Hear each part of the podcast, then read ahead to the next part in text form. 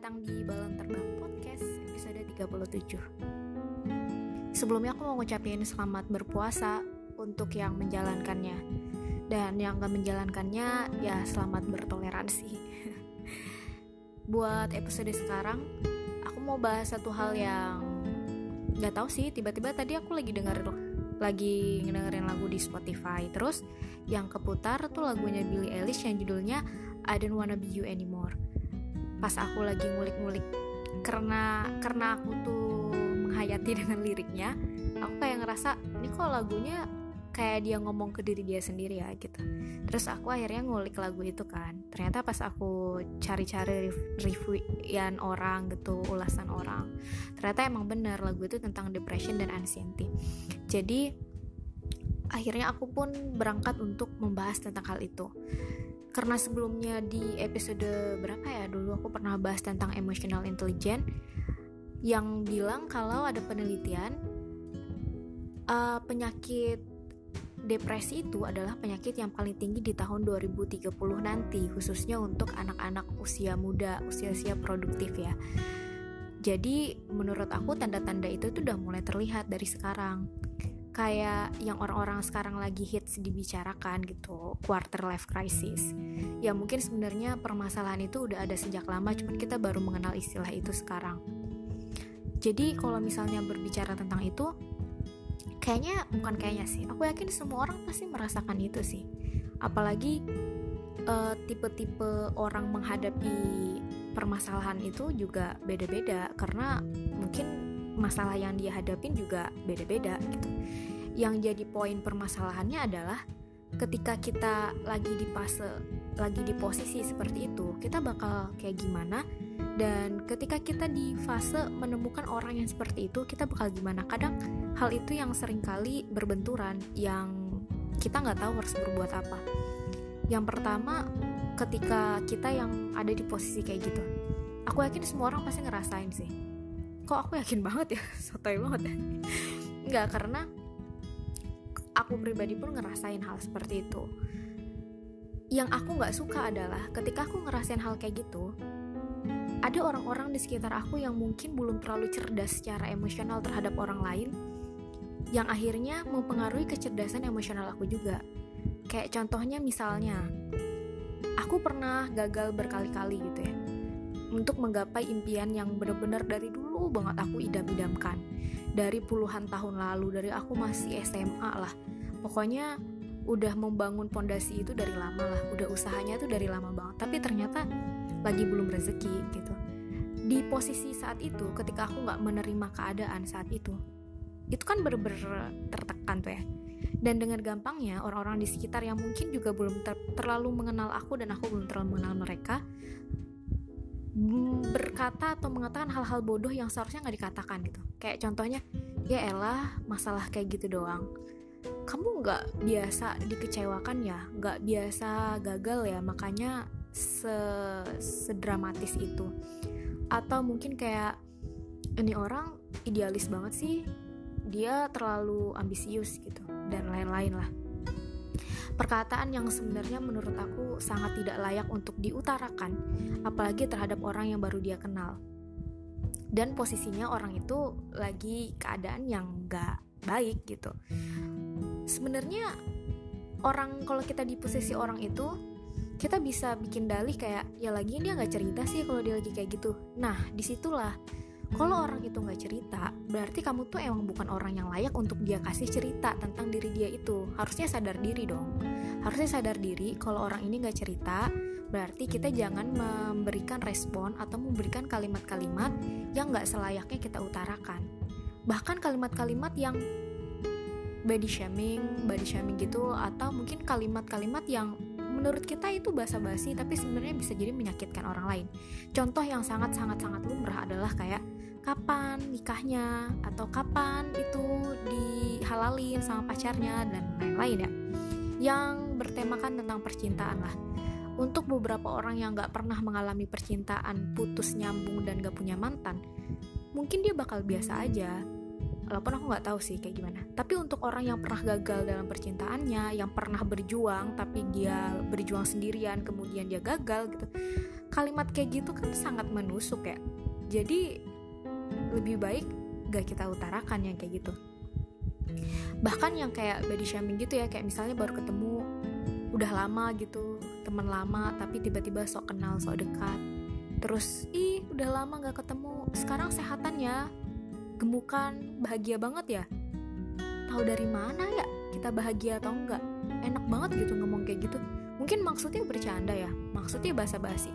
Tapi omongan seperti itu tuh sangat-sangat gak pas untuk diungkapkan gitu. Kalau aku ya sering pernah aku pernah sekali sih jahat. Karena ya mungkin personality aku yang kalau dijahatin orang bakal ngejahatin balik dua kali lipat bahkan lebih.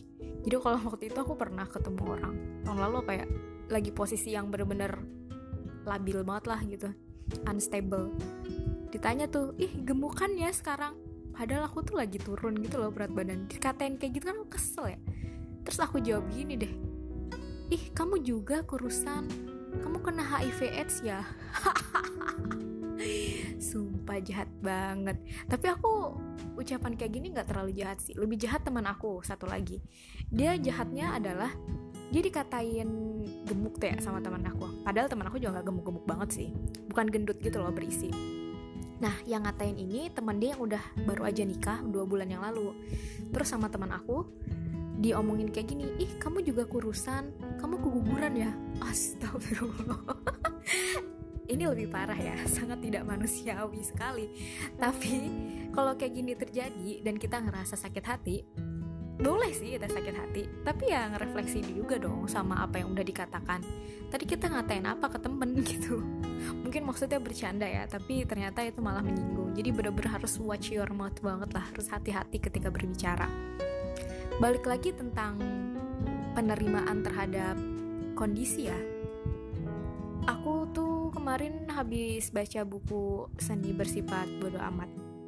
Baru beberapa halaman awal, aku langsung kayak, oh iya juga ya. Jadi ada paragraf yang ngomong kalau kita tuh dari dulu sama motivator-motivator itu ada kayak ritme atau alur yang sama setiap seminar motivasi atau ada uh, seseorang yang memberikan motivasi itu sama kayak misalnya ngomong kamu pasti bisa kamu pasti bisa menggapai cita-cita kamu kamu harus bisa bangkit lagi dan segala macamnya gitu.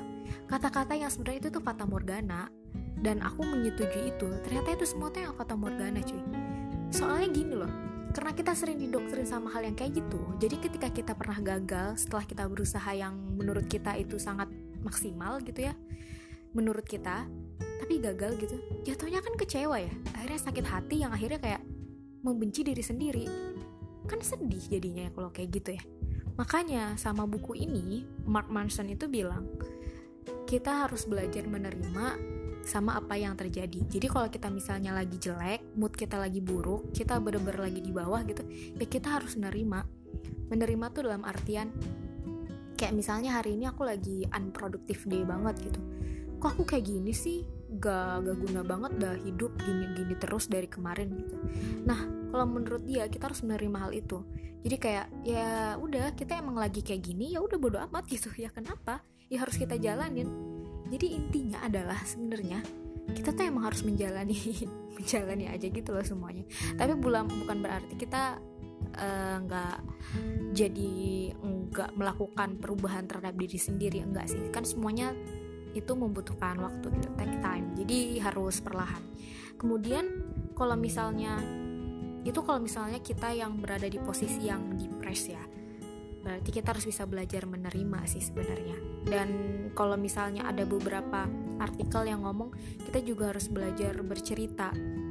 Nggak semudah itu sih memang. Nggak semudah itu benar. Karena menceritakan apa yang benar-benar terjadi itu tuh nggak segampang kita ngomong mendongeng atau kita cerita kejadian hari ini kayak apa kayak gitu ya emang susah sih. Jadi yang mungkin bisa kita coba adalah kita belajar menerima sama yang udah ada gitu. Dan kalau misalnya kita di posisi orang yang menghadapi orang yang lagi lagi stres atau lagi depres kalau lagi stres mah kan kelihatan ya tapi kalau orang lagi depres tuh nggak kelihatan kalau lagi ada lagi depresi perbedaannya sih itu ya aku baca artikelnya. Jadi kayak kalau orang stres tuh dia kelihatan kayak amburadul semerautan terus ya pokoknya kelihatan lah gitu. Kalau orang yang depresi tuh nggak kelihatan. Dia kelihatannya baik-baik aja gitu. Kayak semuanya tuh berjalan dengan baik. Dia punya pencapaian-pencapaian tetap ada. Hari-hari dia produktif selalu tersenyum dan gembira gitu. Tapi sebenarnya mah dia rapuh banget gitu. Nah itu biasanya ciri-ciri orang depresi sih. Dan kalau misalnya nemuin temen yang kayak gitu yang pertama kali dilakukan adalah kita kasih semangat. Jadi waktu itu aku pernah ada teman aku di Twitter. Terus dari kata-kata dia tuh kayaknya nih anak lagi depres dia aku. Aku ngerasanya sih gitu ya. Kayak dia nge-retweet uh, apa namanya akun tentang depresi gitulah. Pokoknya tentang self love uh, love tentang mencintai diri sendiri gitu. Uh, akhirnya aku reply aku DM gitu semangat ya segala macam. Pokoknya ngasih semangat lah gitu. Ya walaupun sebelumnya nanya apa kabar cuma nanya apa kabar doang terus dijawab e, baik kok hehe gitu. Kalau udah kayak gitu tuh berarti ada apa-apa ya. Habis itu kalau dia nggak cerita ke kita kita nggak usah maksa cerita dong kenapa? dan segala macam ya berarti kita bukan orang yang menurut dia pantas untuk diceritakan. Jangan maksa. Tugas kita adalah memberikan semangat dan memberikan doa. Itu tuh lebih dari cukup ada orang yang ngasih semangat, ada orang yang ngasih doa, itu tuh kayak dapat booster baru gitu buat orang-orang yang lagi posisinya seperti itu. Apalagi kalau ternyata kita adalah orang yang menurut dia layak untuk diceritakan. Itu tuh walaupun dia sebenarnya nggak mengurangi beban, dia tuh butuh ada orang yang mendengarkan cerita dia dengan seksama. Ada orang yang ngedengerin cerita, tapi dia nggak seksama gitu loh dengerinnya. Kan ada yang sambil main HP. Ada juga yang mendengarkan tapi ngasih nasehat. Kadang tuh nasehat juga nggak dibetuhin, cuman masuk telinga kanan keluar telinga kiri jadi yang benar-benar diperlukan tuh adalah memang didengarkan habis itu dikasih semangat dan dikasih doa. Itu more than enough deh sangat-sangat more than enough gitu. Dan sering kali kita juga nggak sadar kalau misalnya orang-orang di sekitar kita ternyata menghadapi hal-hal yang seperti itu.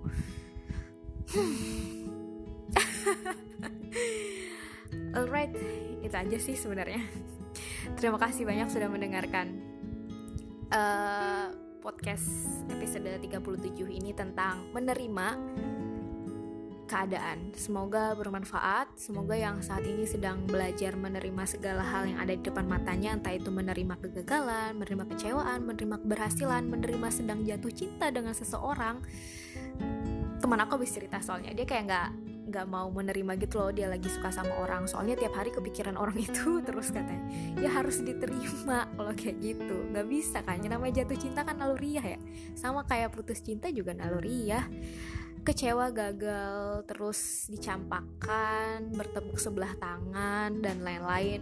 Itu adalah emosional gitu. Itu adalah emosi yang ada melekat dalam diri kita. Jadi emang harus diterima aku ngomong kayak gini bukan berarti aku orangnya pintar menerima. Ini tuh sharing aja. Soalnya aku pun jadi belajar untuk menerima. Susah banget sih sebenarnya.